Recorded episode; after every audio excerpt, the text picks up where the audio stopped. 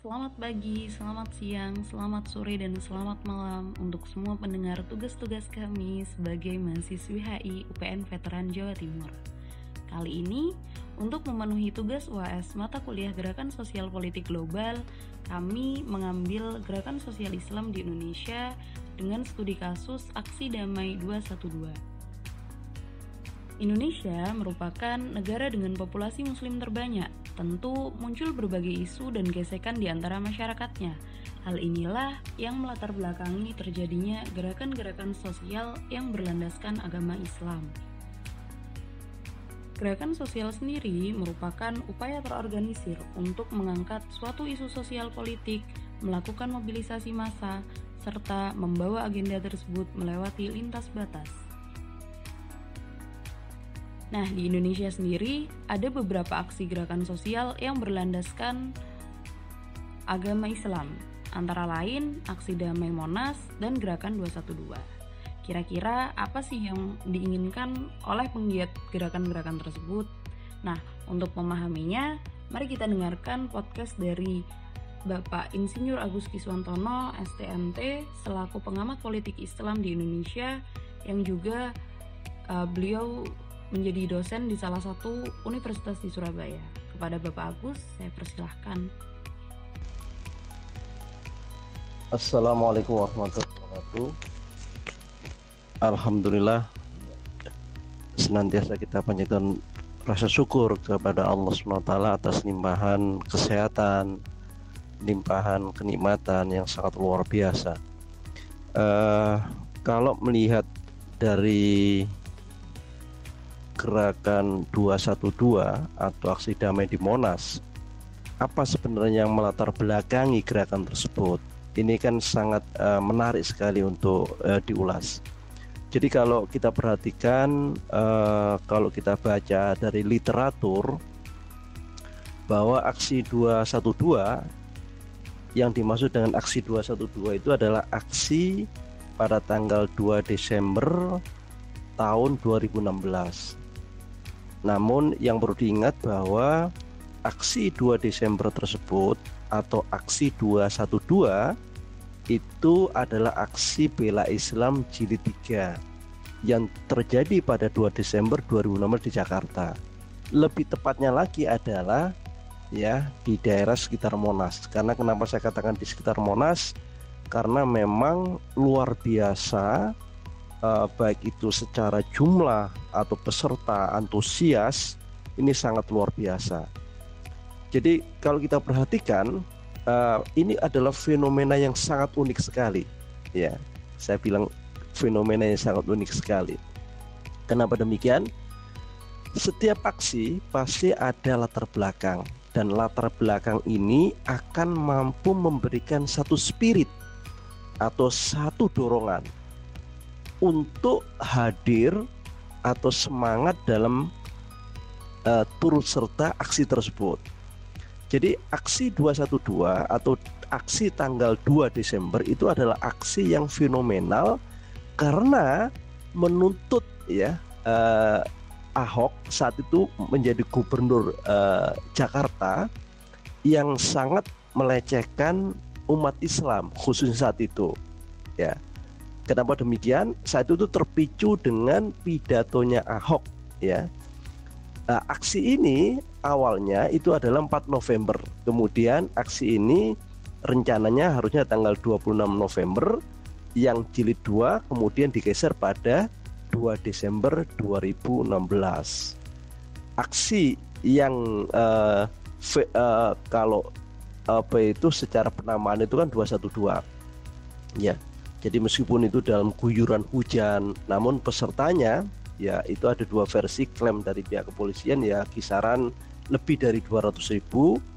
Kalau dari pihak penyelenggara karena itu juga sangat fenomenal ya itu bisa dibuktikan dengan foto video maupun di berita online maupun di media massa ini kisaran ya jutaan. Jadi kalau kisaran sih sekitar 2 jutaan. Nah ini yang yang pertama terkait dengan aksi tersebut. Untuk strategi konsolidasi saat itu karena memang isunya ini adalah isu agama ini mampu menyatukan uh, keberagaman dengan satu isu yaitu tangkap Ahok atau penjarakan Ahok uh, maka strategi konsolidasinya ini sebenarnya adalah strategi konsolidasi dalam bentuk soliditas, solidaritas, kemudian isu opininya ini adalah isu opini yang mengerucut kepada uh, hukum uh, Basuki Cahaya Purnama saat itu. Nah, kalau untuk konsolidasinya ya konsolidasinya yang paling solid saat itu adalah via komunikasi medsos ya. Kemudian ajakan seruan baik itu paling bentuk leaflet pamflet yang disebarkan lewat medsos. Ya selain strategi konsolidasi konsolidasi ini adalah eh, bahasa komunikasi kebersamaan. Kemudian ada strategi dalam bentuk gerakan atau aksi. Jadi konsolidasi tanpa aksi itu ibarat ya teori tanpa praktek. Kenapa saya bilang bahwa uh, apa itu? Uh, teori itu oke okay, tapi praktek ini juga akan diimbangi dengan teori itu jadi sehingga antara teori dan praktek konsolidasi dan aksi atau konsolidasi dan gerakan ini menjadi satu paket kenapa demikian satu paket ya karena uh, umat Islam ini secara sosiologis maupun secara uh, fundamental keberadaan di Indonesia ini ya maupun secara realita di Indonesia ini adalah umat yang besar. Bagaimanapun umat yang besar ini ya meskipun dengan beragam latar, dengan beragam, beragam apa itu aspek, ya, namun uh, fenomena 212 ini mampu menyatukan dari seluruh kepentingan, dari seluruh sosiologis gerakan maupun kultural gerakan menjadi satu target, satu tujuan saat itu. Dan subhanallah luar biasa. Dan uh, kita bisa melihat ya fenomena-fenomena yang terjadi saat itu adalah umat Islam mampu menjadi utuh ya dengan dorongan, dengan kekuatan, dengan satu target kebersamaan Ya, sehingga uh, saya melihat bahwa umat Islam ini ternyata mampu disatukan saat itu. Ya. Saat itu. Jadi maksudnya saat itu adalah uh, eh, 2 Desember 2016. Sehingga bahasa yang bisa saya kemukakan di sini ini dalam melihat aspek organisatoris maupun aspek pergerakan organisasi-organisasi Islam itu adalah manakala ada satu topik, ada satu kebersamaan isu yang disikapi secara proporsional, maka umat Islam ini mampu menyatukan seluruh kepentingan, mampu menyatukan seluruh potensi untuk meraih target kebersamaan. Dan kalau kita perhatikan ya isu maupun target maupun tematik yang sangat kuat saat itu adalah tema untuk aksi bela Islam.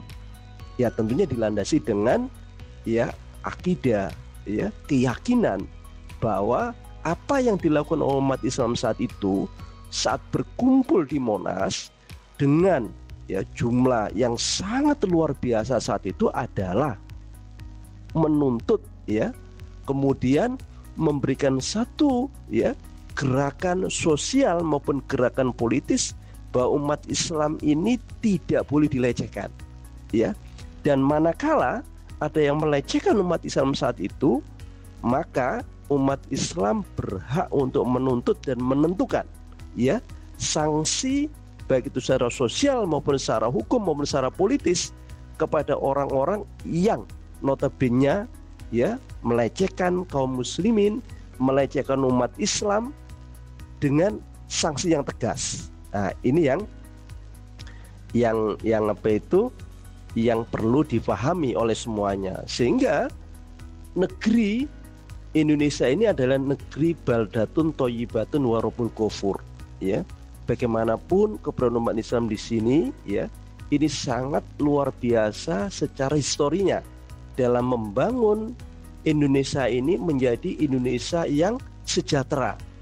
Oleh karena itu, ya, umat Islam juga harus mampu menentukan ya keberadaannya maupun umat Islam harus mampu menentukan ya arah Indonesia ini ke mana. Dalam artian ya secara baik itu keyakinan akidah maupun secara syariah bahwa apa yang dilakukan umat Islam ini adalah mampu untuk berkontribusi secara positif dalam membangun Indonesia, mengawal Indonesia mulai ya sebelum kemerdekaan, dalam perjuangan saat kemerdekaan, merebut kemerdekaan dari penjajahan, bagaimanapun kontribusi umat Islam itu adalah kontribusi yang sangat luar biasa. Dengan demikian, aksi 212 ini adalah ya menunjukkan keberadaan umat Islam ini adalah umat yang mampu ya secara utuh ya kemudian yang solid secara gerakan kemudian yang strategis dalam pergerakannya untuk menentukan ya sanksi yaitu Basuki Cahaya Purnama yang yang melecehkan Al-Qur'an saat itu ya menjadi gerakan ya yang mampu memberikan sanksi kepada Basuki Cahaya Purnama atau Ahok ya saat itu. Sehingga ya ya itu adalah puncak saya bilang puncak. Tapi ini bukan berarti uh, hanya tentatif ya. Tapi harapan ke depan bahwa pergerakan soliditas ya kebersamaan ini harusnya menjadi satu bagian dari umat Islam di Indonesia ke depan. Untuk membangun Indonesia menjadi Indonesia yang baik, Indonesia sesuai dengan syariah, Indonesia yang mampu mengimplementasikan, mengejawantakan nilai-nilai Al-Quran, nilai-nilai Al-Sunnah menjadi negara yang sejahtera dan berkah. Demikian, amin. Baik dari penjelasan yang telah dipaparkan oleh Bapak Agus dapat disimpulkan bahwasanya yang melatar belakangnya adalah karena penistaan agama yang dilakukan oleh Basuki Cahayapurnama sehingga aksi bela Islam 212 merupakan sikap yang dilakukan umat Islam terhadap kasus penistaan agama. Target capaiannya adalah Ahok atau Basuki Cahayapurnama dipenjarakan karena telah melakukan tindakan penistaan agama dan ini telah tercapai beberapa waktu lalu sejak kejadian itu. Strategi konsolidasinya adalah berlandaskan sosiologisnya seseorang ketika agamanya dihina, maka ada sikap tidak terima sehingga muncullah aksi 212. Demikian tugas UAS mata kuliah GSPG kelompok kami. Semoga bermanfaat bagi yang telah mendengarkan dari awal hingga akhir. Terima kasih.